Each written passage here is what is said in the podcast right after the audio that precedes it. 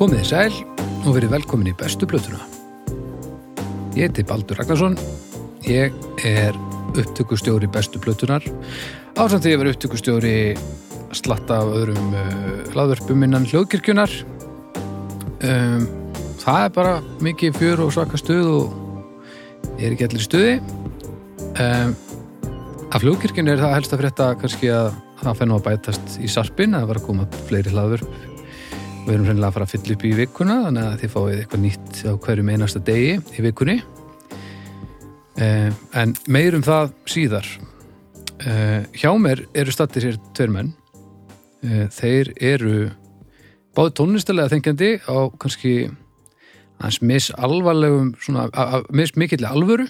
Ja, nei, sant, mikill alvöru hvort ekki að nálgurinn er rosalega hérna, ósvipuð Við erum annars vegar með doktor í tónlistafræðum. It's a job. Já, þú ert með, vin, þú ert með, þú ert með gráðu, þú vinnur við þetta, þú fætt borga fyrir þetta. Svo erum við með snæpun, mm. hann er áhuga maður. Áhuga menn, mm.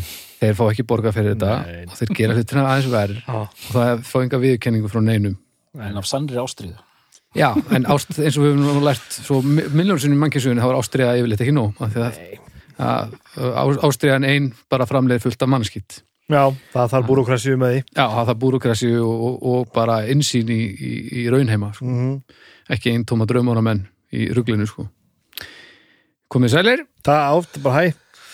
Já, blessaður. Hvernig eru þið? Vi, við erum bara nokkuð góðir. Já, við erum góðir. Við erum nokkuð góðir. Já, skalanum 1-10, hvað eru við?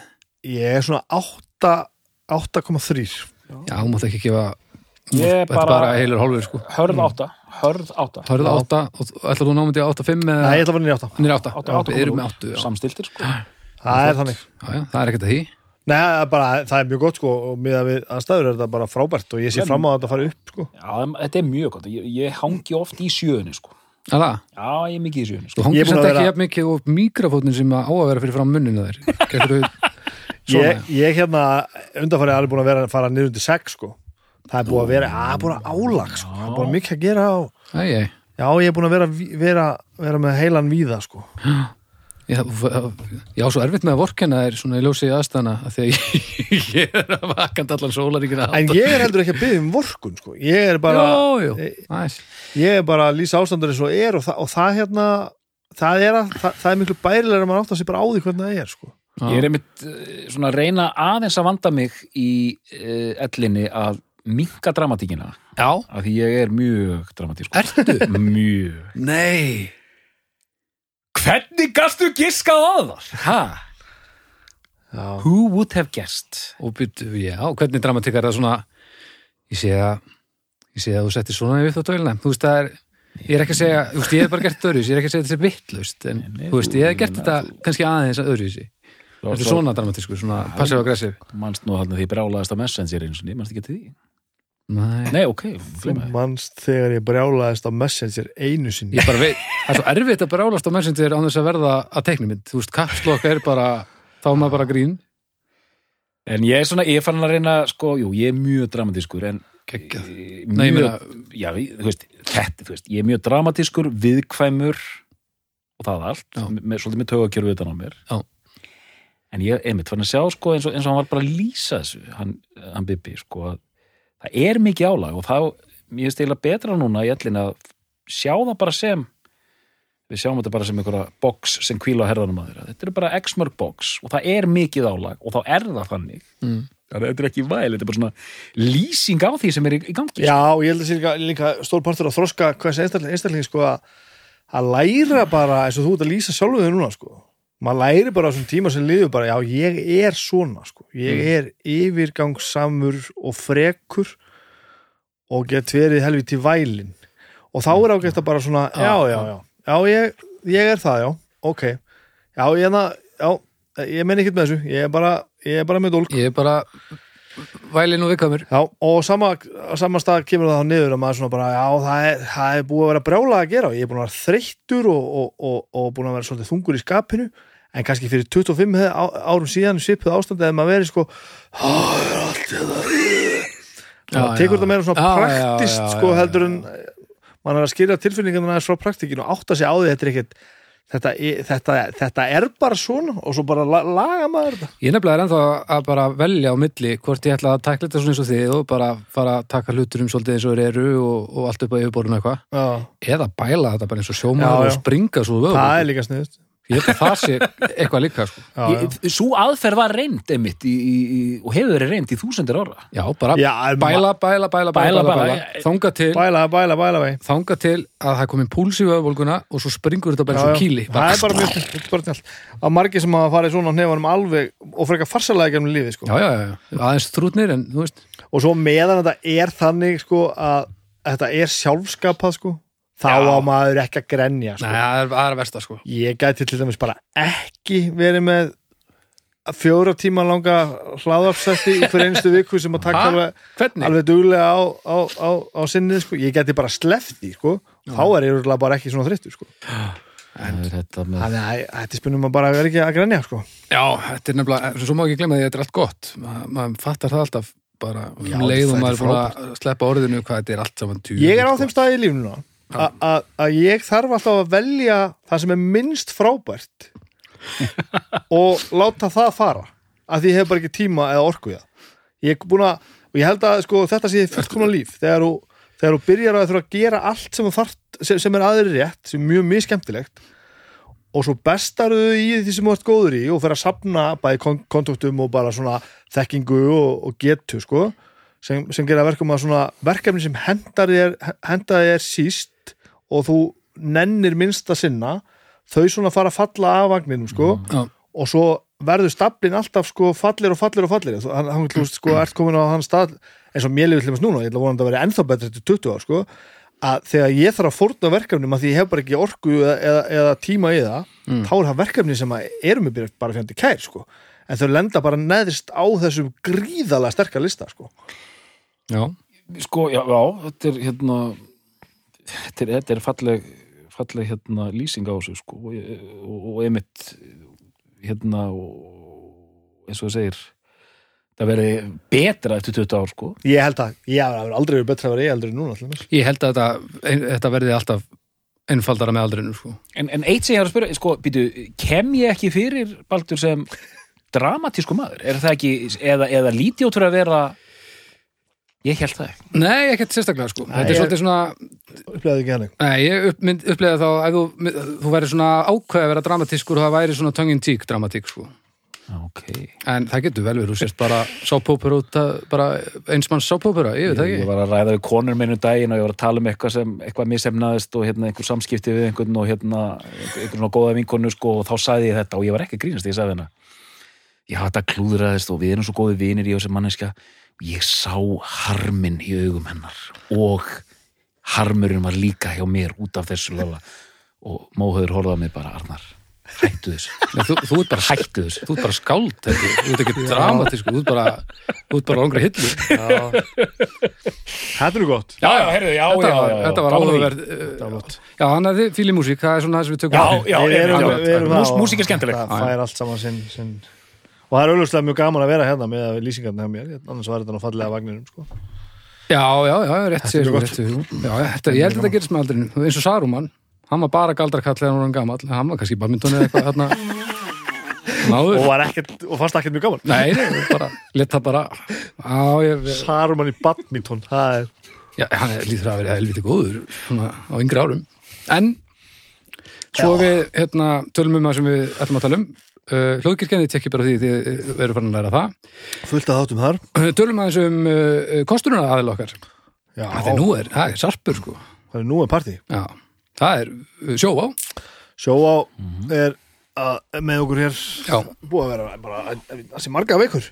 Já, ansi marga vikur sko og bara lítur við, þetta er lítið vel út ég er mjög ánægð með það. Já, þetta er fallit og gott. Var með að rifja upp hérna kom, kom tíminn hérna það kom ekki, að því ég flutti fyrir ekkert svo löngu síðan. Og það var eitthvað svona meta svona innbúið. Með þetta innbúðið, já, já.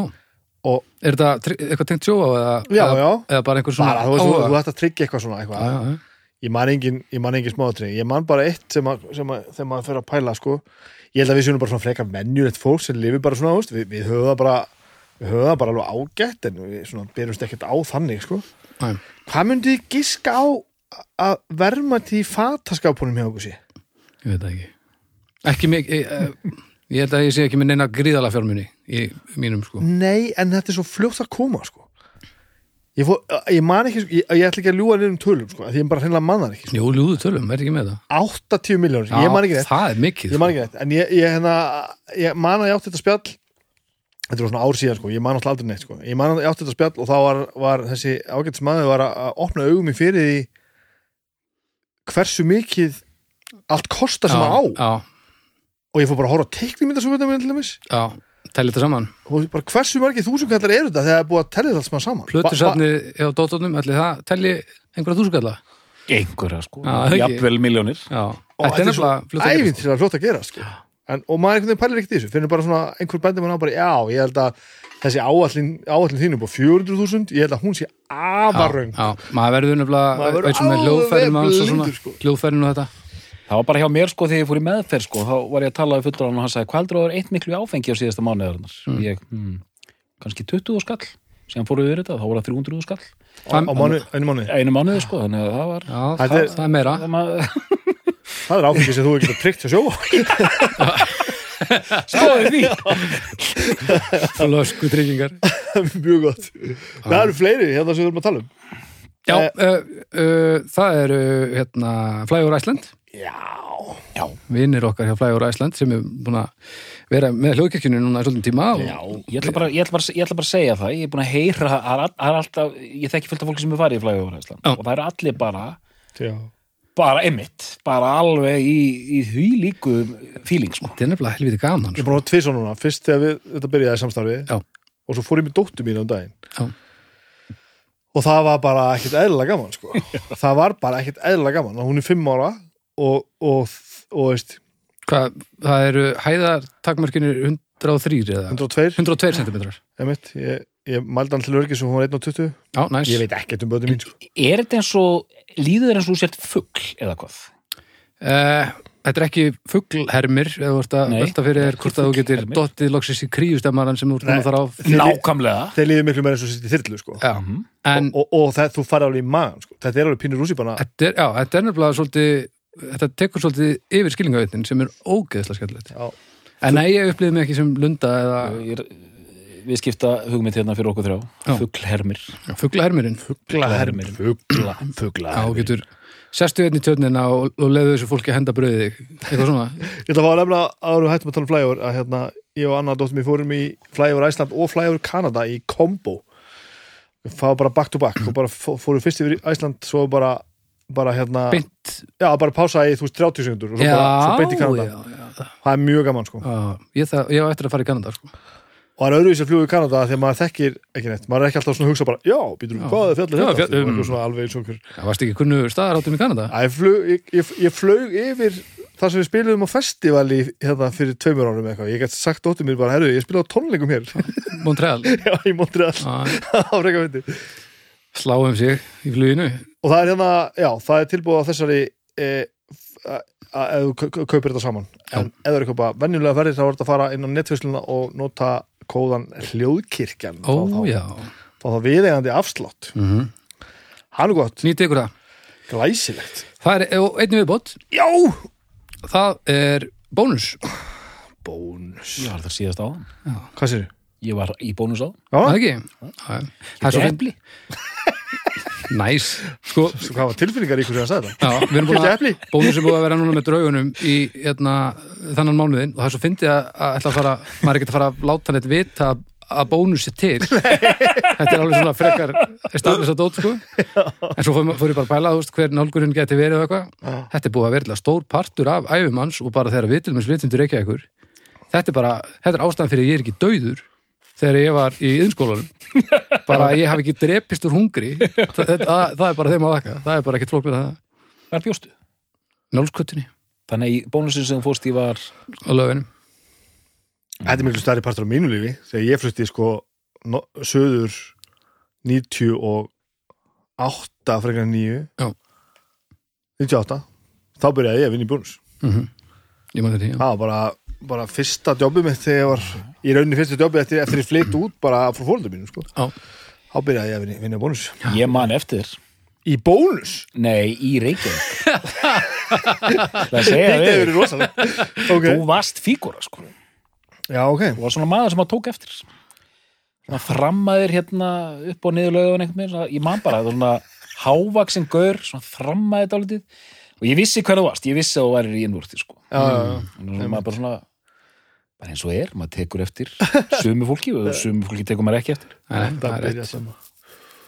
Þannig er það? Já, uh, það er glæsilegt að bónusi hérna, Já, það er frábært. komið í slægin með okkur og, og hérna við þökkum bara öllum þessum þremur styrtar og samstarfsaðælum kærlega fyrir hjálpina Já. af því að þetta er ástæðan fyrir því að þið er að hlusta á þetta frýtt það er bara nákvæmlega það einfalt þannig að Mikið er þetta gott. Takk fyrir það þá getum við farið að hefja uh, leika, mm -hmm. músíkleika. Mm.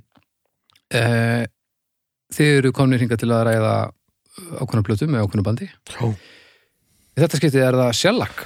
Nú ætlum við að tala um sérlag Já, bandaríska rocksveitin sérlag Hér er ég með bestu eh, plötun sem ég ætla, ætla að tefla fram sem, sem bestu plötu sérlag Það er þriðja plata sveitarinnar. Það er platan 1000 Hertz fara á árinu 2000 Hvernig skildum við nú byrja þetta, doktor? Við byrjum í Chicago, Illinois.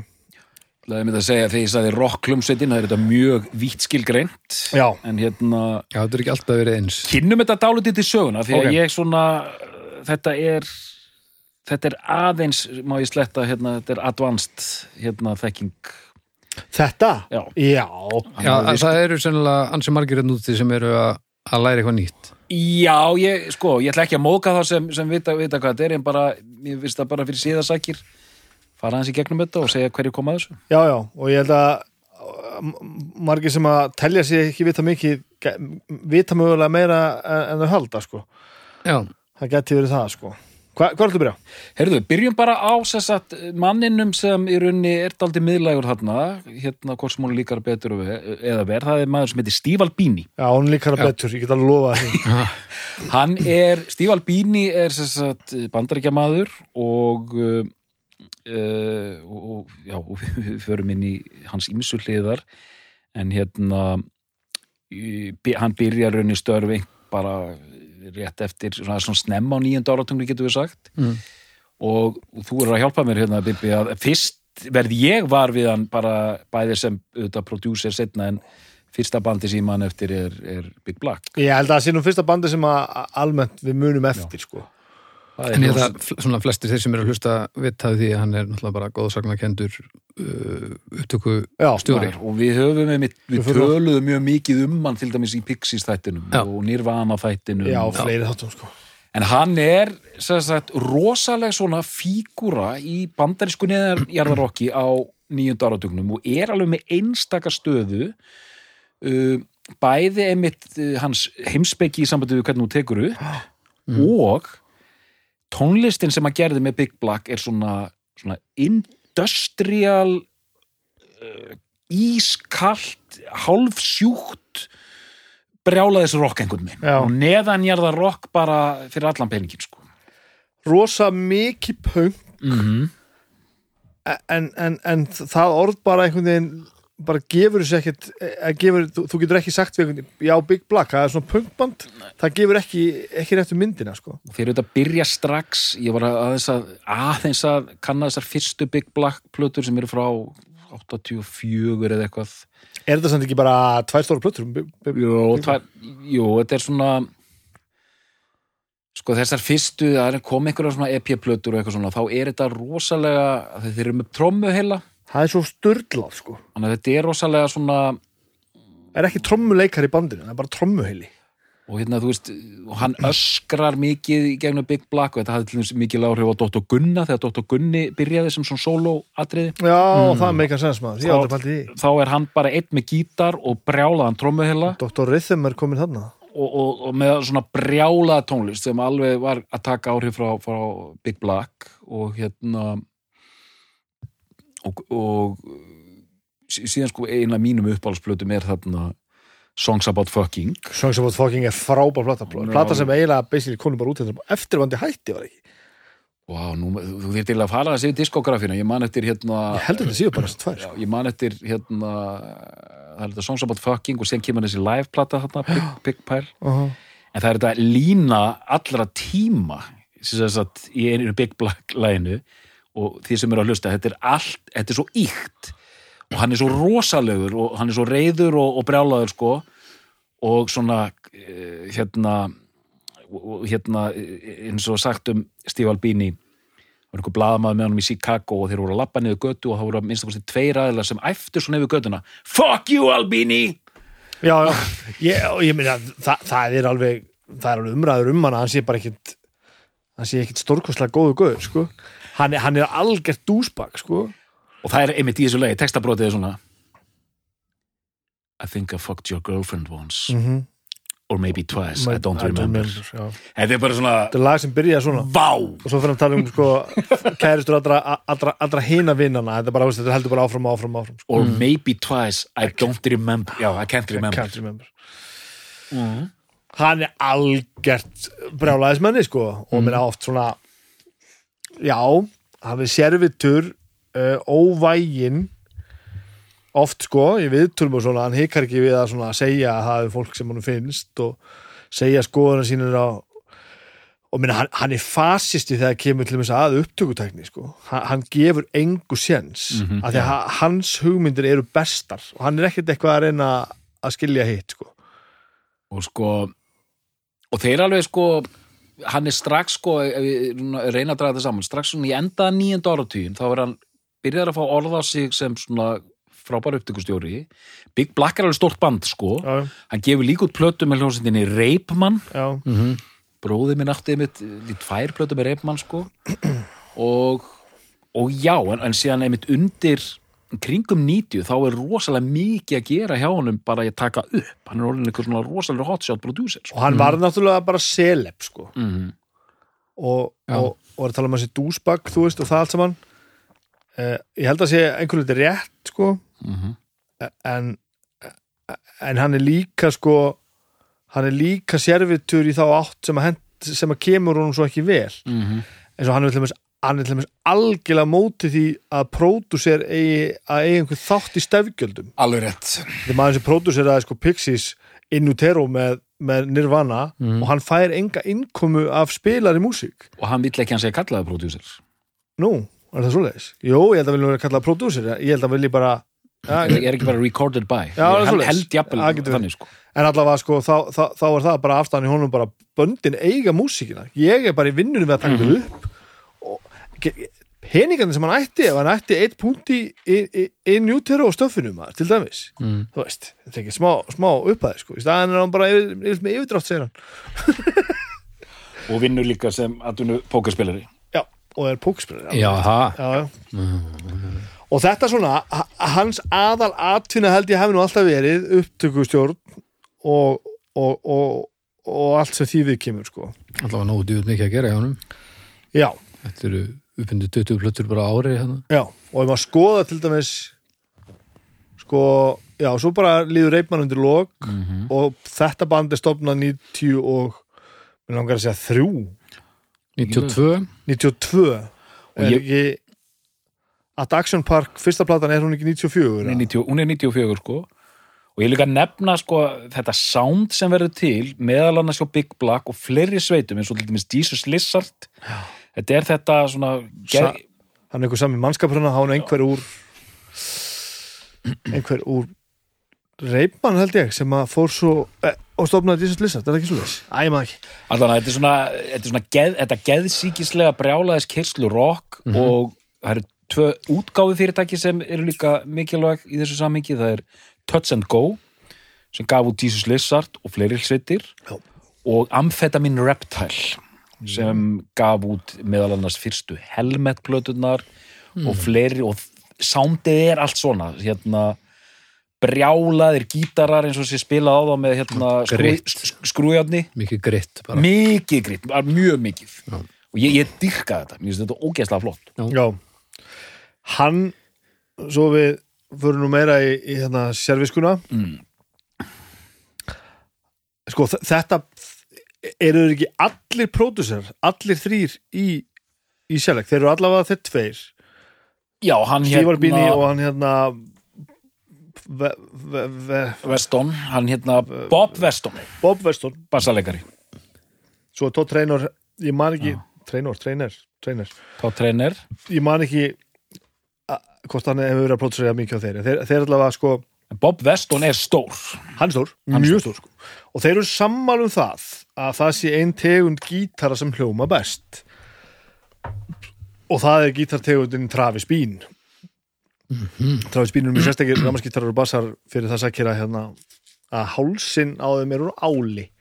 Já. og næra alla leið aftur í stól þar sem hún þræði strengina í gegn.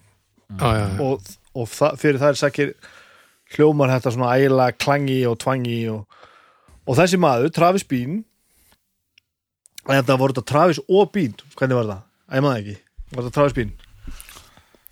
Allavega það, er ekki til nema nokkuð þúsund svona hljófar í heiminum sko. Og einn ein, ein svona gítar er nú í eigu mann sem að við erum í hljómsett. Gítarleikarinn í innvortis hann ekkert á Travis Bean. Og þetta gefur mjög sérstætt sound sko og þeir spila bara á Travis Bean og það er mjög stór partur af þessu, þessu brjálaða soundi sem eru hjá þeim sko. og hann er alveg svona yfirlýstur bara, hann sapnar þessu bara svona bara svolítið bara öfgafullt sko, hún notar þetta algjörlega og þetta sound, þetta brjálaði sound sem við heyrum og sérleg er svolítið mikið það sko. Og hann er líka, gleymið því ekki þetta er svona hann er nörd. Hann er supernörd. Og í- og einhverju dómar um Big Black var oft sko bara þessi gaur sem leit, hann var bara svona eins og, eins og rotta upp á sviðinu, svona óþólandi gaur með glerugu og bara svona reyf kjaft og en algjör væskill sko. Þá já, sérstaklega var, var hann grannur en samt svona kringluleitur einhvern veginn. Mjög svona eins og eitthvað skortýr sko mjög og skritin sko. ég, alltaf, ég ber mikla veringu fyrir mönnum eins og honum og hljónstum eins og víser sem svona gefa hérna, gefa nördunum smá breyk sko þegar þeir geti líka Já. verið töff, töff rockstjörnur sko. Vísir er nú samt, hafa nú yfirleitt pródusera nördismann aðeins já Bötti Holly var búin að reyða breytina fyrir þá sko. hann til dæmis já, nákvæmlega sko Steve Albini var alltaf bara, í, bara eins og hann kom einhvern til dyrana sko, svo, svo er hann alltaf í vinnugalla þegar hann er að taka upp þá er hann alltaf bara svona samfesting bara svona, Bós já, hann er póseri svo við Já, öll sko. Bose, já. en þannig er við komin og þetta er sko, nú er ég að segja eitthvað sem ég er ekki alveg vissum en þetta er hobbyband. Þetta er svona hobby plus. Það er engin í sjálflag til þess að vinna fyrir sér. Held ég mig alveg segja sko. -hmm. já, já, já, ég held sé alveg rétt sko. Og þetta er mjög gróft mjög svona krút. Uh, maður er ekki viss um að þetta sé framrætt af, af góðu fólki einhvern veginn. Trommuleikarinn er a- hann lemur bara svona eins og hann sé, sé bara eitthvað svona frummaður. Allt sándi náttúrulega svona ægir og, og tökum náttúrulega fram að þetta sándi náttúrulega ekki eðlilega innan allra gæðis að lappa vel. Já, sándið er ævintýralegt á þessu þetta er ekki óvart. Hrikalega lifandi allt og risa stórt sko. Og þeir eru ægilega frumstæðir oft miklar endurtekningar stórir kablar svona sem að, sem að kemur eitthvað svona fokk í, bara til þess að fokk í mann einhvern veginn mm. og svo eitt sem mér finnst eiginlega að vera bara uppáldum mitt við sjálfleg sem er þessi trommuleikur sko. mér finnst hann Já. alveg, mér finnst maðurinn bara, hann er stórkostlegu trommari sko. Já, þetta er spesnálgun ég vildi líka einmitt nefna eh, tvennt sko áður en, áður en ég gleymi því að hérna hljónstu sem ég minnst á áður hérna í þetta um Slint Já, uh, Steve Albini tók upp fyrstu plötu þeirra hljónsettar sem heitir Tweeze og dæmdi síðan þeirra meistarverk sem heitir Spiderland kom út 91 dæmdi þá plötu fyrir Melody Maker. Ótrúlega góður dómur af því að hann er nefnilega þrælgóður penni líka Já, er, og, og tökum hann fram að maður er náttúrulega sinni hann er eldklár sko. og endaði dóminn á þessari sendingu 10 fucking stars. Og hérna ég notaði þetta stundu sjálfur sko. Og hérna 10 fucking stars. Og hérna já bara já, þetta er cool þetta er mjög cool, er þetta er frábært dómur. 10 fucking stars. Og hérna en séðan líka, ég ætla það er aðeins meir en tíu stundur það er 10 fucking stars. En líka svona aðeins að stilla af sko ég held að við getum alveg sagt það líka bara, þú veist, það er þarna ákveðnar sem við væntalega fílum allir, það er ákveðn svona punk hugssjónir hérna alveg. Sem ég finnst mjög fallegar og flottar. Og ég man þeir spiluðu hérna Íslandi 2000 cirka bát, 99 99 það er cirka bá 2000 það er, bara, það er bara ekki 2000, það er 99 nei, en 2000 er ekki cirka bá 2000 það var ekki eðlilega gaman sko. Alltént, já, varst það á tónleikunum? já, að þeir tóku svona mér fannst það svolítið cool hjá þeim, þeir tóku svona Q&A já, og mér finnst það fyrst ekki sem ég sé að þú veist, þú ert að gefa aðdándiðinum tækifæri. En samt voru þeir alveg dúsbaks það var svona, já ok að spyrja okkur að einhverju, já þetta er bara svona en, en svo eru alveg innihaldsíkt en e, bara eins og þau væru drullar sko mm. þar komum með hana spurningin hérna hérna, hvernig, hvernig gítar er þetta eiginlega? að þetta er Travis Bean eitthvað segja, að þetta er svona, svona, svona og svo segir hann hérna Veston segir það er nú eitt svona bassi hérna í, í hljóðfæraveslunni hérna hérna ofar í bænum og Stífáli Bíni bara svona.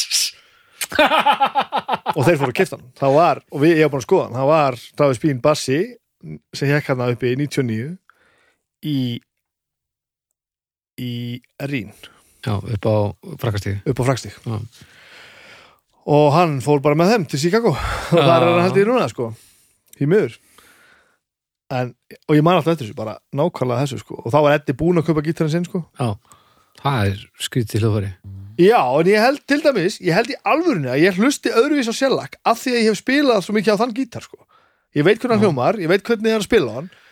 Ég held að ég, ég heyri alltaf eitthvað hérna í gegn. En þetta er svona hljóðfæri sem er ekki góðnum í höndunum á ákveðnum, fól, fólki. Já, já, eins og þetta Eddi getur gert stórkostlega hluti með honum en ég gerum ekki grein fyrir því hvort að það væri gott fyrir neitt að ég væri með þetta sko. já, en fyrir þessa tónleika verða verð að segja ykkur frá þessu að hérna, þá fóru ég og Átni Súri Sýrður Rómi, fórum og tókum viðtal við Sjellag já, alltaf kemur eitthvað gott frá doktornum. Að fyrir undirtónan. Já, hérna og fórum saman, ég og Átni og bá- báðir, ég sérstaklega, Átni var búin að vera með útastáttin í mörg ár sko, ég var bara alveg gjössanlega blöytur á bak veirinn sko. Ok. dyrkaði Stíval Bíni að sjálfsögðu. Mhm. Og hérna tók kefti hérna diskin hérna, saptiskurinn Nælur. Já, til að gefa honum sko. Og hérna, og sér mættu hann í viðtalið. Og eh, hérna, ég var ógeðslega stressaður og bara með magapínu og stífalpínu og bara góð í mínum augum. Og sér Já. sita þér hérna þrýr og maður er bara, þetta var í fyrsta skipti sem ég var að hitta rauninni svona rockstjörnur, þú veist, ég hafði aldrei gert ég byrjaði ekkert að skrifa fyrir en ég byrjaði að skrifa fyrir undirtóna. Það var í fyrsta skipti sem ég byrjaði að skrifa sko. já, ég var alveg nýr. Ég hafði aldrei hitt hérna einhver, einhver svona menn eða neitt þannig sko, komandu og síðan hérna þeir sitja þarna þrýr og ég byrja með einhverju svona spurningu. Well um, what do you consider to be your uh, uh, greatest um, uh, contribution to the, the, the development of uh, American underground rock for the last 30 years það var einhver svona spurning. Og þeir horfðu á mig þrýr þeir horfðu bara á mig og ég veist ég bara svona og, og, og, og ég, ég held að það var Bob Weston sem bara, hann sagði hey, hey look man, we're not academics. Þú veist, hérna já, slappa af. Og einhvern meginn samt þeir, þeir greinilega kendu svo mikið í brjósti um, um, um þennan dreng að þeir svona hjálpuðu mér aðeins og, og svona bara Ok. og fóru svona að spjalla og spjalluðu og voru bara almennlegir Mm.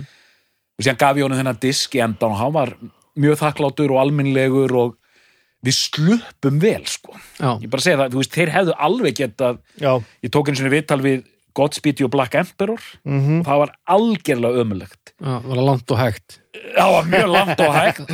Og þar var ég bara ágætur með mína spurningar, þeir voru bara ömulega Já, já. það er ekkert máli að vera leiðilegur. Já, þarna kem ég með þennan asnalustu spurningar allar tíma. En þeir sérna, þeir átt Almen, ekki strákin sko. almennilegir, almennilegir en heldur þeir hafi labbaði burt og hugsað já, þessi verður nú einhvern daginn doktor í tónlistafræðum það er, Þessi verður pottið akademik bara, ég sá það á fyrstu spurningunni. En þarna er rauninni sko, ég vissi alveg hvað sérleg var þarna. Ég hafði aldrei hlustað sko þannig. Ég fór bara svolítið að því allir voru að fara eða þannig. Og alls þetta ég, ég, ég gjössamlega steinlá sko. Þú nýflutur í bæinn og svona? Nýjá, til dæmis nýflutur í bæinn og þetta var fáránlega gaman. Þeir voru svo góðir sko. Já, geggjaband og svo öðruvísi góður en maður hafi séð ægilega mikið pláss í mörgum lögunum þetta kaka gú Mhm. kaka gú það er ekkert klikktrakk sko. Og hann alltaf að berja í gegnum alla symbalna, hann, hann slæri aldrei á symbala, hann, hann er einn af þessum trommurum sem slæri alltaf svona í gegn, kjöðin bara svona, veist, og hvernig er stilla þessu upp á sviðinu sko. Það er mitt líka sko. Þetta er líka meðvitað sko að því að það hefur alltaf verið að setja á einhvern flokk og það er talað um post-hardcore og noise rock og eitt og þetta. En þeir vilja meina þeir séu sem sagt minimalist rock en ég held að það sé nefnilega rétt Já, það er það- þetta pláss sem maður heyrir og Já. það er þetta það er, er ekkert mörg element en þau element sem eru til staðar þau eru að lemja manni andlitið svo ævintýralega Já. þetta er svo aggressíft en samt svo opið sko. og ég fór eftir þetta og hlustaði svolítið hérna að Action Park sem er náttúrulega algert fokking meistarverk hún er ekkit eðlilega góð sko um, ég hlustaði miklu minna á þarna númer tvö. Terraform. Terraform, já Mm. ég hlustaði miklu minna á hana eh, hún hún hljómar ekki af skemmtilega mm. og ég til með svo að renni núna fyrir þáttinn og ég mundi bara ekkert vola mikið eftir henni sko. svo fór ég í hljómalind sá, þessi, sá þe- þe- þetta eintak hérna Mm. og kefti það á Kristján Blöndal Kristján Blöndal, þetta hann ekki, það ekki? Jú. hvað er hann? Ég heit hann stundum í bónus Ah. Vá, hvað, hann kefti marga blötur að þeim manni og hérna og fór bara heim með þetta og hlusta á þetta mm og það var eitthvað við þetta sem bara náði mig bara alveg sko. Mm. það er eitthvað svakald á þessari plötu og, og, og e, núna þegar ég var að renna þeim öllum það er mest í sjálflag voðin á þessari plötu hvað var að sound. Sjellag voði. Já, það er Já, svona þetta, já. þetta, þetta voða Já, Já. það er mest hér og ég held að ég hefði bara svo koklift þetta sko. Að uh, og útskýrið fyrir mér, af því þið þekkið þetta hvað er að gerast í productioninni hvað er, hvernig er þetta? Er, er þetta þurrt, blött, hart, kalt? Þetta er þetta er rosalega uh, svona true Já. það, er mjög mikið gert með það að stilla trommusettun einhvers staðar upp mm. og trommusetti er fucking frábært Mm og, og það er búið að stilla það alveg til anskotans öll trommuskinn eru fullkomlega og veist, ekki fullkomlega tjúnum með á eða eitthvað, heldur bara að það er bara búið að finna með viljandi þetta bara er fucking frábært Já. uh, trommusetti er kannski fært 40 cm til hliðar af því að það er er búa, búa lína í loftinu sem að varpar einhverjum einhverju rífurbi eða einhverju, einhverju döflinum svo er fullt af mækum Mm. sem að búa að velja með höndunum og heilanum. Þessi mæk hérna sem ég er búin að eiga hérna í 25 ár, hann er góður ef ég setja hann hér við hliðin á þessum hérna mæk.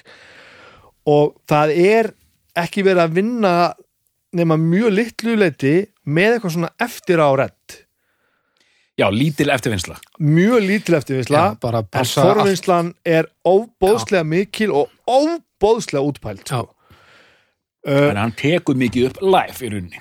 hann tekur mikið upp live og, Þetta er og, og, og, samtvæðast er þetta stórt og sumt er alveg þurft stundum bara í andlutun á manni. Já, gítararnir eru stundum bara, hann hefur bara þetta manni, þetta er rosa skrítin blanda sko. hann hefur bara þetta uh, þe- þennan smekk og þetta ótrúlega sjálfstrust líka til þess að, að hlusta bara á eitthvað heyra svona einhverja heldarmynd og hugsa bara þetta er helviti gott. Í, í samhengi við eitthvað annað sem þú myndir heyra, þá, þá hljómar þetta bara eins og, ekkert annað. Prófaðu að, að hlusta á sérstaklega sjálflag, ég myndi nú segja að svona, það er hann lengst komin í þessu þegar hann takum sitt eigið stöf sko. Og hugsa þetta út frá sko hvernig önnur músík hljómar. Að því að kannski allt í einhverju læginu þá bara svo snýrlinn sé bara bara lengst í burtu. Eða það sé bara búið að tróðum inn í auga Já, það er rosa skrítið svona sum, böndur reyna að hljóma svona svolítið eins og þetta sé allt í sama plossi, í sama rými einhvern veginn. Stundum er hann að snerillin er bara í allt öru herbyggi heldur en restin á trómusettinu og svo er bara gítararnir eru bara úti á, á bara úti læk sko. en fyrir mig eins og bara ef ég tekið svo að Action Park sko mér finnst þetta þetta er rosalega punchy sko gítarinn bara gjössanlega kemur og hérna Já, rýfur því kinnina einhvern Já, en það, en það er líka bara vegna þess að þessi gítar hljómar svona sko. mm. þú veist, þetta er ekkert eftir, þetta er rosa organist vegna þess að þetta er hljóðið sem gítarinn býr til Já, já, já. það sé svona svolítið lýsingin á þessu sko. og vinslan er alltaf þessi bara já, þessu ekki að setja rífur upp á þetta Mm, já, þú veist er ekki bara rífurbyrð einhvers stað sem við getum bara fundið, skilur allt ekki upp á teip, alltaf saman bara þessi, mm -hmm. þessi útgáð þessar plötu, þetta er náttúrulega hérna heiður að Ampex A- A- Am- Ampex, er þetta ekki Apex Ampex teipið, já, allavega Ampex. Ampex Ampex, Ampex. Ampex eru það er náttúrulega maglararnir og allt saman líka. já, ég held að sé Ég, Am- ég er lítið teipinu sko Ampex, Ég já, bara- sennilega Ampex A- a- ég veit að hann er mikill sko Ampex maður Já. Ampex maður, Ampex, já Ampex. Ampex. Já, Mhm. bæði hvað var að teip og teipvélar, hann vil helst taka upp á það sko. Enga tölfur, ekkert kæfta, ekkert svoleiðis. Þannig að eftirvinnslan er hún er mikil takmarkari og hann bara vill ekki gera það þannig. Sko þetta er 2000 já, þessi Það 2000, voru þrjár í viðbútt ég held að séu bara tvær viðbútt nei, Nei, þrjáru viðbót, Þrjár það viðbót. komið inn í hitt vera já, er það ekki þannig að John Peel Getur þú lesið upp, sko, það er At Action Park, það er Terraform, það er 1000 Hertz, Mhm. síðan kemur Excellent Italian Greyhound. Aha, ah, Dude Incredible já, og The End of Radio. The End of Radio er, það er, það er útvarps. Það er Peel Sessions. Já, það er unreleased Þannig að það er bara tvær já. er bara tvær hljóðusplötur í, Ok. í viðbót og síðan End of Radio sem er einmitt svona hérna út á og mjög skemmtileg, súplata. Já, hún er mjög er þar. Mjög gott. Sko, já, þetta er hérna já, þegar þú varst að rúli ég einmitt, ég hérna fyndi mig sjálfag sko hérna, hvernig á ég orða þetta finlega þú veist, ég er bara svona já, já, já, já, ver, bara, já verður blessaður já. bara svona almennt já, mjög almennt Já. og hérna fyrir mér sko sjálfag var bara svona reipmann er bara einhvern veginn svona þar slær hjartað sko. Já, já, Shellac er bara svona einhvers konar svona miðaldra útgáfa af reipmann já. Ég held að sé rétt hjá þér líka. Ég held að sé þannig. Og svona eh, ekki eins spennandi. Ég einhvern veginn hef takmarkan áhuga á þessu en ég, ég held ég geti sagt að allar plötunar sem þeir hafa gert. Og það er bara því að þetta form sem við erum búin að tala um Mm. þetta er allt gott stöf já, Þa, það er hérna eh, ég ætla bara að slá því fram. Mér, mér, fær, og hérna þetta er allt mjög gott en segi, ég var nánast að bara skima mjög mikið af þessu bara í allra, allra fyrsta sinn sko. já, það er þannig. Það er bara alveg þannig sko. Þessa líka, þessu blötu já, já, já, já. og bróði minn átti og á At Action Park. Hann var með þá plötu, hann var dálítið albíni maður hann átti hérna við áttum báðir Big Black, hérna Songs About Fucking en hann átti Songs About Fucking, hann átti Rape Man og hann átti At Action Park á vínil Mm. mjög flott útgáfa sko og hann var svona, hann tók aðeins spinna á þetta ekki mikið sko, ég var bara svona sem er svolítið merkilegt er, er ekki, Já. svo, kemur ekki dálit óvart sko. Jú, Jú, ég hef aldrei á, þú þekktir þetta alveg gjössamlega í, í, gröð, sko. það er alls ekki þannig sko. já, Já, já bara svona, já, ok Á hvernig fannst þér? Eins og segi, bara helviti gott. Smellpassa þetta við meðaldrið þitt. Mér er bara svo skrýta að segja frá þessu sko, einhvern veginn, ég einhvern veginn þetta er eins og með Fugazi, það er hljómsveit sem ég hef aldrei fílað. Æ, þú lítur nú að hafa fíla lag og lag með Fugazi. Fugazi er eitt af þessum hljómsveitum og hérna, ég held allir eigi svona hljómsveit, ég fíla allt við Fugazi, allt, Já, allt já. nema músíkinu já, já. Ég keipti hana repeater plötuna með Fugazi og ég gerði svo marga tilhörunum til að komast í gegn ég gata það ekki, sko. þetta var að gera nýlega nei og ég er alltaf að býða til að það gerist af því mér langar svo mikið til að fíla þetta band Já, bara í sögulegu sammingin náttúrulega mikilvægt, mikilvægt band, mikilvægt manneskur þar inn á borðsmaður. mm. en sko ég veit ekki hvað ég get sagt um sjálflega sko. hérna, já hvað segir þið ég meina, Ég, ég sko, að fyndi þú sér skulle segja þetta með, með þetta því ég, ég var að tala um þetta við uh, við Böbba, Skálmöld. Og hann er nú hlustar hann mikið á, á alls, alls konar punk og, og mjög kræfandi metal og hitt og þetta.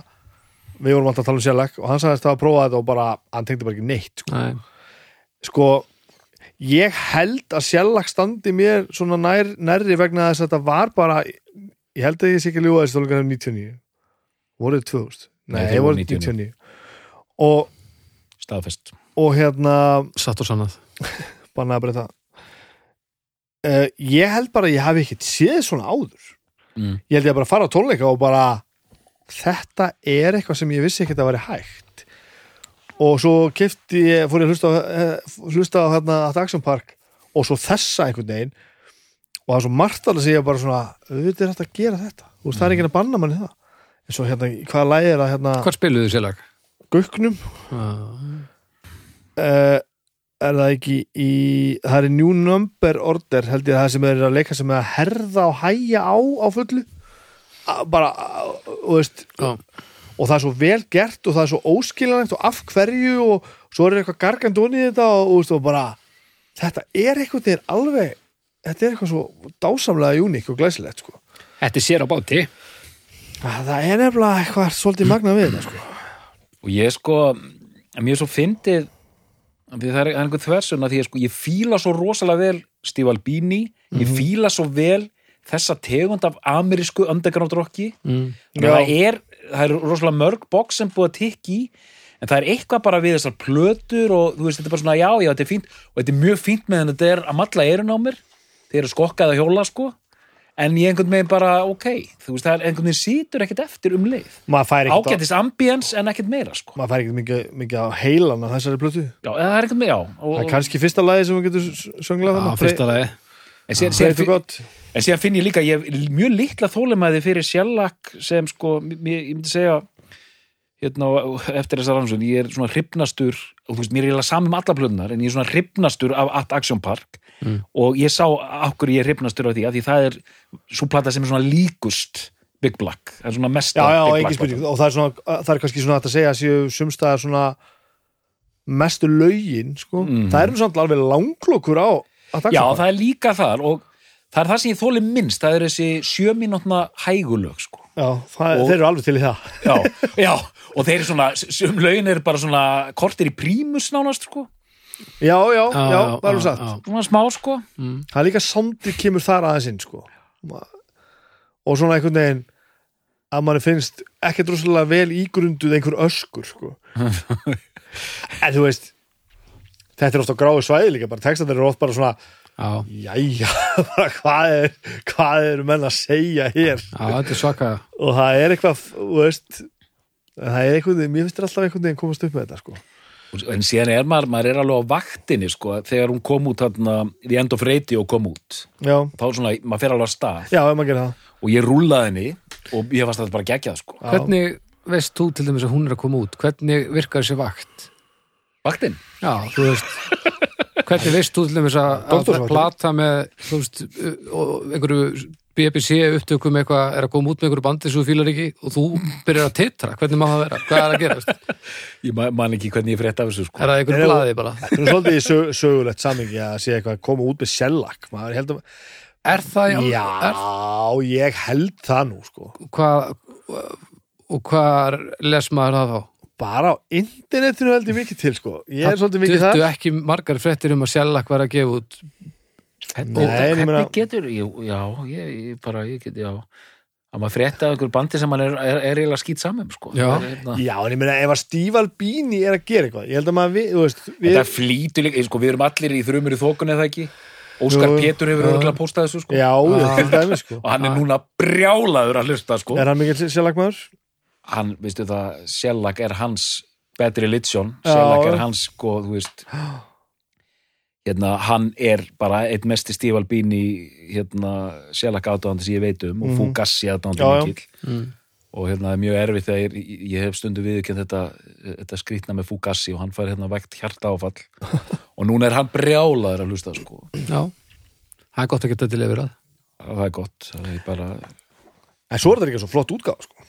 Þetta er flott sko. flott sko. þetta er, mér þykir alltaf vant, vantum að sjá í kjölun á þessu í, í plötskapnum sko þetta er mjög flott hérna, emitt útgáfa og þessi, þessi analog heimspeki hans öll er bara mjög einhvern veginn heillandi og bara þessar sögur og, og, og, og hvernig hans aðferðir eru sko. Mm. og hérna og vinnur þetta bara hratt sko. Þetta er svona no BS sko. Já. fíla þetta alveg sko. En hérna lýsum þessu hérna fyrir fólkinu þá er, þá er þetta svona eins og já eins og hvað, þetta er svona eins og þunnur pizzakassi þunnur tóltómu pizzakassi með litum sem ekkert pizzakompani myndi velja nei en, en eins og, eins og svona teip og Þetta á að líka eftir svona eh, og, og þú veist, síðan hérna plötumiðin hérna á, á að minna á þetta sé svona já, já, já, Svona já. reel to reel tape. real to real tape sko þetta er voða Varstu þetta- þessu? Já. Fyrir músíkin á geisladisk bara ómertum geisladisk bara svona hérna onni kofurinu bara svona og með er svona, er þetta að hlusta be- begja megin eins og Nei, ég held ekki, ég held sér bara að vera með hann bara er að, það var, höfðu ekki svona fyrir að merkja hann sko. það var skrítið Nei, hann bara, og hann er skri ja, DFT öðrum megin og það er músíkinu megin alveg rétt en ég man sko, ég var alltaf að lesa einhver viðtöl eh, sko við fólk sko, sem sko hann væri svona, væri svona frekar hataður maður hann út í bandaríkjum sko. Já, ég, mjög umdeltur gaur sko. já, það held ég Ég held að það sé alveg þannig og ég, og veist, það er ekkert allir ánæðum sem hafa unni með honum, ekkert allir ánæðum með hann sko. En svona sniður, hann tók upp hann að plötuna með hérna, Pates og Plant. Já, það var einhver plata sem kom út með þeim 93 tók hann ekki upp ensími jú, tók bensími, tók upp eftir að, eftir að komi hingað og já, hvernig, tók hvern, upp, þeir tala ægilega vel um hann. Ok. Hann tók upp Sér við trúið það allt saman en, en tala vel um hann. Hann tók upp nokkur lög sko. Já. Tv- tvö tvö Það tók upp helmingin, held ég. Já, helmingin verið, sko. hvaða plata var það? bara BMX á BMX gott band ensími Já, frábært band sko, alveg frábært band. Djúvöld stæði mikið á ensími Já, að hérna sem tók hann upp Buss já, B-U-S-H, hérna enska gruggbandið, mm. en hann sagði alltaf eins og Pates og Plant er bara þar rukkaði hann almennlega til þess að geta tekið upp allt hitt, öll litluböndin sko. þannig að hann líka er fyrirlegu karakter, hann líka nýtur mikla virðingar sem svona já ég held að það bara. alveg alla leið þannig sko. það sé alveg klálega þannig en ég ætlum að vera að skoða sko, fjölda tónleika hjá þeim. þeir hafi ekki spilað nema á kannski svona ég þetta ekki saman en menna, þetta er ekki nema bara svona 200-300 gig ég heldur það, í heildina mm. hvað var það að gera hérna? Þeir voru, ég skoðaði þeim þetta er síðasti hvort þið voru að spila Bretland og Skandinavíu og flugu svo bara hingað greinilega já, þetta er sko, þetta er í júni held ég þetta var síðasta giggið á árinu þeim sko. já, og þetta er bara svona, spiluðu bara já. og kannski er ég með að íkjæsta tölu kannski er þetta ekki svona mörg gig sko. þetta er kannski bara svona 10 eða 20 kannski bara eitthvað árið sko, veist, þannig að þeir eru ekkert eitthvað að fulla að spila sko. Nei, þeir grípa, þeir verðast grípa í þetta sem þetta er ekki hans aðalstarf sko. þetta er svona gripið í þetta meðfram öðru sko. en Big Black voru alveg svolítið duglega var það ekki? þeir voru alveg að spila sko. Jú, þeir þetta spiluðu mjög mikið voru, þetta var þetta alveg einstakt band, Big Black sko með, þú veist, þennan trómuheila og bara þetta var svo rosalega aggressíft sko. já ég þekki þetta ekki neitt en það, það hljóma svolítið eins og eitthvað sem ég ætla að Songs kíkja á. About Fucking er ekki eðlilega platta sko. Svo grimmt. æfintjærlega góð ég, sko. ég, ég er alveg klárið það sko Það var engin afsláttur, engin miskun og maður bara svona gapi engin kurtesi, engin Nei, þetta er bara ókurtesi, allt saman já, já, og síðan sko að sjá það á tónleikum kom út þarna liveplata Pickpile og þetta er rosalega þetta er bara algjör geðveiki sko. já, og hérna það var alveg já, þeir, þeir voru alveg með einstakann sess sko. það hljómaði enginn eins og Big Black sko. og okay. með þessa industrial tengingu það, það er svona Killing Joke og, og, og fleiri Já. svona hljómsveitir svona já. mjög svona svart og kalt og ég svona þarf að tekka þessu sko en svo er þetta með sko, í kjölfara á sjálflag hvað hva bönd eru að þeir eru svo influential gauður sko. já, já, og já. þeir í sjálf sér allir og veist bara hva, hva, hvað er hva, hvað er komið í kjölfarið, það er ekkert svona sem maður sér sem er svona beint afspringi sjálflag það er ekkert sem hljómar svo sjálflag sko. Nei, hérna Nei og ég meina ég held einmitt sko áhrifin liggja örgulega bara aðalega einhver svona hugmyndafræði sko, já, þú veist tríó, svona orkutríó uh, mikil, orku tríu orkutríó mikil speki baki hvernig á að taka þetta upp? Og þú veist, allt svona þú veist, hann er greinilega á einhver Asperger rófi. Þú veist, þetta er allt svona þetta er allt svo uh, fast fyrir sko. Þetta er svolítið svona ég held að segja til þess mjög heppilegt að hann er upptökustjóri sko. Þú veist, ef þú er tónlistamæður og ætlar að fara að gera eitthvað í lífinu þá ferði ekkert beint í þessa stefnu bara svona til þess að búa þér til feril. Nei, þetta er svolítið obskjúr dót ef maður getur ekki gert svolítið mikið sjálfur sko. já, þetta er enda góðu punktur. Kannski er þetta svona uník af því að það er með einhvern sérvitring slags snilling sem getur framleitt að sjálfur sem hann heyrir Já. Já, þetta er gott, þetta er svolítið gott En ég, sko, í fljótu bræði, ég man að því, einmitt út að, hvaða bönd eru lík, sko, hérna, bara ég man þetta neinu, sko. Nei, það er þetta eru, þú veist, það eru miljónir af áþekkum, einhver svona já, já. hörðum, hérna, bandariskum neðanjara rocktríóðum, þetta eru þetta alveg endalus, endalus til á þessu, sko. Við þýttum eiginlega að ringi Birki Fjallar og, fá upplýsingar, sko. Já, já, það væri hægt að gera það það er vel að gera það Hann geti mögulega veifað einhverjum nöfnum, sko. já, já, hann myndi finna eitthvað til hann myndi finna eitthvað til en ég meina, en þannig ertu sko, við reynum að þú veist, Big Black verður hann til á nýjönda áratögnum og gera sitt hann er strax, einmitt þegar sjálfækka stofna þá er hann strax orðin svona hérna þá er hann strax orðin svona grand old man sko, hann er orðið legend þegar sjálfækka Já. stofna sko, Já, já, Já. Og ég skil hann mjög vel, bara ok þeir eru bara að halda sér heitum sko. Við erum eitthvað band líka. Ástríða, sko, maður Já, finnur já. það. Það er alveg verið að semja lög og það er alveg verið að gera eitthvað, sko. En þetta er, það er einhver svona hvernig er þetta að orða þetta? Hérna, þessi, þessi fáránlega gretta og brjálaði í Big Black er ekki hérna, Nei. þetta er meira og hérna, orðað eins fínlega ég get þetta er meira svona hobby dæmi sko, þannig að það er ekkert og hann myndi þetta aldrei taki mál að vera að fara hann einhverja vinsaldalista eða eitthvað svona, þetta er svo Svo, þetta er svo hérna Ian McKay hérna í Fugazi, sko. Þetta er svo grjótharðir gaurar sko. Það er nú meiri snillingur Já, þetta er bara, þú veist, auðvitað maður fílar þetta, maður, maður fílar svona öfgar, sko, af því að maður er öfgamaður sjálfur, sko, Hvað maður dyrkar þetta, sko. Hvað heitir soloprojekti sem hann er meðan hérna Todd Trainor trommari ah, Hefur hlustað á það? Það heitir Bricklayer Sandwich Hvað heitir það? Heitir eitthvað svona leys Það er svona lástemt Hann syngur svona æla svona. Bricklayer Cake Blick, Bricklayer Cake já. Bricklayer Cake Hlustið á það. Það er glæsilegt stöf hann spilar allt og syngur í djúpum svona spoken word Já. monotón það er svo rillilega skemmtilegt. Og það er eitthvað svo snildalegt við það. Var svona pínu svona poetry í því en samt svona einhvern veginn, maður veit ekki alltaf hvað hann er bara grínast eða ekki neitt að grínast eða hvað er að gerast. Steve Albini var beðin um að lýsa þessu Think of Nick Drake on Downers fronting Black Sabbath if Black Sabbath played only the good parts of their songs þetta er svona típist Steve Albini komment eitthvað svona algjört rull sko. En sko, en síðan sko tek ég eftir því að sko á þessum setni plötum þá fer hann að syngja líka meira hann Albini, ég, ég veit ekki hvort að það er góð hugmynd, sko. já, mér, mér finnst það pínu skemmtilegt ég fíla það alveg sko. um, jú, jú, mér finnst það alltaf En er einhver, að ég fann engan hérna mér finnst þetta allt svona tiltölulega svipaðar plötur. Það, já, þar eru það sko. Þar eru það. Um, þar eru það. Og, ekki og að gæðin þannig rauninni tiltölulega jöfn, sko. ég ætla ekki að sitja þetta og segja að ég sé, sko, sé að það sé upp á sljómsætti mín. Það er alls ekki þannig en þetta, breyt, þetta það er einhver snildana sem er ekki annar staðar. Þetta breytti því aðeins hvernig ég sé tónlist sko. Og, og, og þetta er svolítið eins og við vorum að tala um jazz hérna um daginn sko.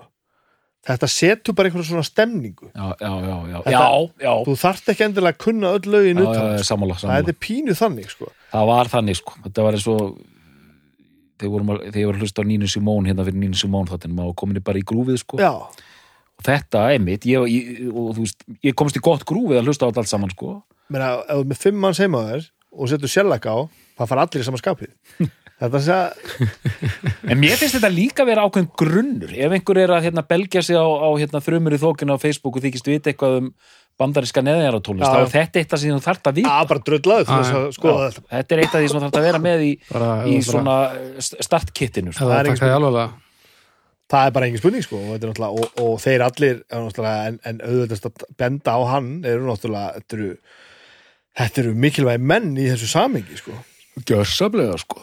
Það er Svona, og það er líka spurning hvað, já, þeir vinna þarna með ensími, sko, og hérna, já, þá voru þetta bönd, ég meina eins og þannig kringum 2000 hérna á Íslandi eins og Greifslæm til dæmis Já. A- a- bara algjörlega sko. Þeir voru samt að taka, þeir voru að taka svona hvernig var tónlistin þetta, meira svona stoner grúf einhvern meginn á þeim sko. Já, já. en samt alveg þetta þessi já, svona melvinsfílingur, já, alveg rétt. Það er svolítið það sko. Það er einhver hann er búin að gera það er hansi margt sem hann er bara búin að gera sem að sem að ég, ég held að ansi margar tónlistarstefnum væri pínu öruvísi ef að, ef hann væri, væri ekki til staða sko. mm, mm, það, er, það er ótrúlega margt sem hann hefur einhvern veginn sko ég held að hann sé brautriðandinn í því að taka eitthvað sem er mjög óvandað og framreiða á mjög vandaðan hátt. Mm, mm, taka bara einhverja eins og til dæmis bara tökum tökum svo nirvana sko bara skýt lélega gítarleikara sem gerir bara einhvern veginn eitthvað og veit ekkert hvernig það á að hljóma og, og ekkert bara nirvana nirvana er ekki svona gott dæmi af því að nú er náttúrulega besta trómuleikari heima þar. Já, en svona, taka, taka svona röff eh, stöf sem að bæði þú veist e- er í eðli sinu kannski ekki meistaraverk þannig sko hljóma rosa svona brotið og, og ljótt einhvern veginn og fara í fullum og útpældum pælingum að festa þetta einhvern veginn á einhvern form. Mm, mm, með þú veist að fanga þessa geðveiku stemningu með þessum, þessum mæk hérna og þetta hér, þú veist í stað fyrir bara svona, eins og þetta var alltaf það var bara svona, já, bara einn mikrofón hérna og dröndum við svo teip, þetta er komið lag. Ákveðin fór hann í það að taka þessa brjálaði stemningu. Mm, og mér átti þessi gítarsám til dæmi sem að, sem að voru í gangi á þessum tíma bara hvaða dörl er þetta, en að því þetta er gert rétt, þá verður þetta svo verður svo mikið vísindi sko. Og Big Black er til dæmis svona vísir að því og að taka eitthvað svona ógeðslega ljótt Mm. svona eh, oft er hann ekki svona repetitive mm, öskrandi kjaftaði eitthvað. Já, já, mm. Hljó- hljóðfærin hljóma bara einhvern veginn og trommuheilin er svona hann er svona hann er svona ágengur Mm, mm, en það er búið að gera þetta svo út, já, á svo útpældan hátt að, að þetta verður ekki bara svona svo, eins og punkplatana við hliðin á þetta, Já, já. er eitthvað, svona eitthvað tensjón og eitthvað gæði í þessu sem að var held ég bara ekki til á þessum tíma sko. og hann er líka með þennan þessa góð sagnakendu stöðu sem svona upptökustjóri sko og hérna fyrir okkar kynslu þetta er svona okkar hérna Phil Spector eða eitthvað líka sko já, að hérna eins og Ben Frost hérna, hérna ástralarinn búsettur hér á Íslandi Já, já. hann ba- bara ég man þegar Ben Frost sagði mig frá þessu hann sagði já ég var hérna í Amerikundaginn og hvað varst að gera? Já hérna ég tók meðal hans upp með Steve Albini og þegar maður heyrir þetta bara Já. ú, og þá verður maður voða spenntur sko. Já, bara wow, hann, það var plata hérna ég plata sem Ben Frost tók upp, þetta var bara einn dagur. Hann var að bara, hann var að að hann hefði bara verið improviserað eitthvað líka í stúdíónu. Já, en e, Steve Albini var á tökkunum og kom einhvern veginn að því að, að, að, að búa til hljóðheimin sko. og maður bara maður einhvern veginn bara gleðst fyrir, fyrir og, og ég man því heyrði mitt frá, frá, frá ensými frans og þeim sko að Steve Albini hefði verið að taka upp lög með þeim maður bara wow mm, já, já, já, og ég man, ég man til því alveg klálega sko. og ég var mjög, ég, mér fannst BMX alveg bara, og finnst, mjög góð plata sko. já, ég, ég þarf náttúrulega að fara að hella mér áttur í enn sem ég hlusta eitthvað mikið á þetta Já, þe- sko, það var sko gaggrind, kemur þetta fyrsta platan hún er frábær sko, Já, menn voru eitthvað að dissa að hún kom fljótt út setni platan, hún var miklu strömlínulegaður sko. já fólk, mér fannst hún svo töff sko. fólk er, segir bara já, eitthvað sko. já, ég veit það ég, en sko það er mér finnst, ég alltaf vera að horfa á sko að þessi músík sem ég er einhvern veginn að lifa og hræðist í sko. Það er svo auðvitað að sjá sko Stíf Albini og Rick Rubin svona hlið við hlið. Mm, þeir eru Já. að gera mjög ólíka hluti eh, á, á, á ólíkum stað í ólíkum kultúr en þeir eru samt báðir svona brautriðenda underground gaurar Ofger, afgerandi típur sem er, Já, mjög. og mjög afgerandi típur Já. sem eru svo ekkert underground heldur eru bara, þú veist, hotshots sko, já. í raun og veru. Og ég sé mjög margt svona líka sa- saman hjá þeim sko. þetta er rétt. Við erum að taka einhvern veginn bestu plötu Rick Rubin. Já, Já, renni yfir, hinnar þá bara svona. Wow. Herri, ég held að ég fari nú bara að kalla á uppgjör. Já, Rennlega, Já, já. doktor hvað segir, segir okkur um þetta allt saman? Herðu, bara eh, mér finnst hérna, að Action Park vera besta plata sér lag Ok. eftir að hafa sko nánast verið að hlusta á þetta allt í hérna, fyrsta skipti þó að það sé pínu íkur hjá mér um, þessi plata og ég bara, ég, ég veit ekki alveg hvernig ég á að lýsa henni nákvæmlega, þetta er svona um, þessi þrið, þriðja plata hérna, þriðja plata sérlag um, með öllu, öllum þessum einleikur sem við hefum verið að ræðum uh, frábær plata eins og allar þessar plötur sko. Ég get ekki einhvern megin þannig sé gert upp á millið þeirra sko. Og ég er svona, eins og ég segi aðal ástæðan fyrir að Action Park er, er uppáldið mitt er bara þessi, þessi líkindi við Big Black. Það er ekki merkilegri niðurstæðan það. Mæli. Það svona nær því sem maður var að gera áður. Já, og, þannig, og, og, við, og við það ætla ég að halda kjafti. Og, og, og, se- og senda þetta yfir á vinn minn hérna. Snæbjörn, e, Ég held ég sé að þetta svolítið á tilfinningu.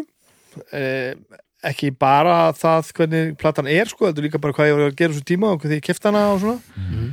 Og ég ætla að, að því að svolítið langt síðan ég, ég hef hlusta á hana svona niður í kjölinn sko.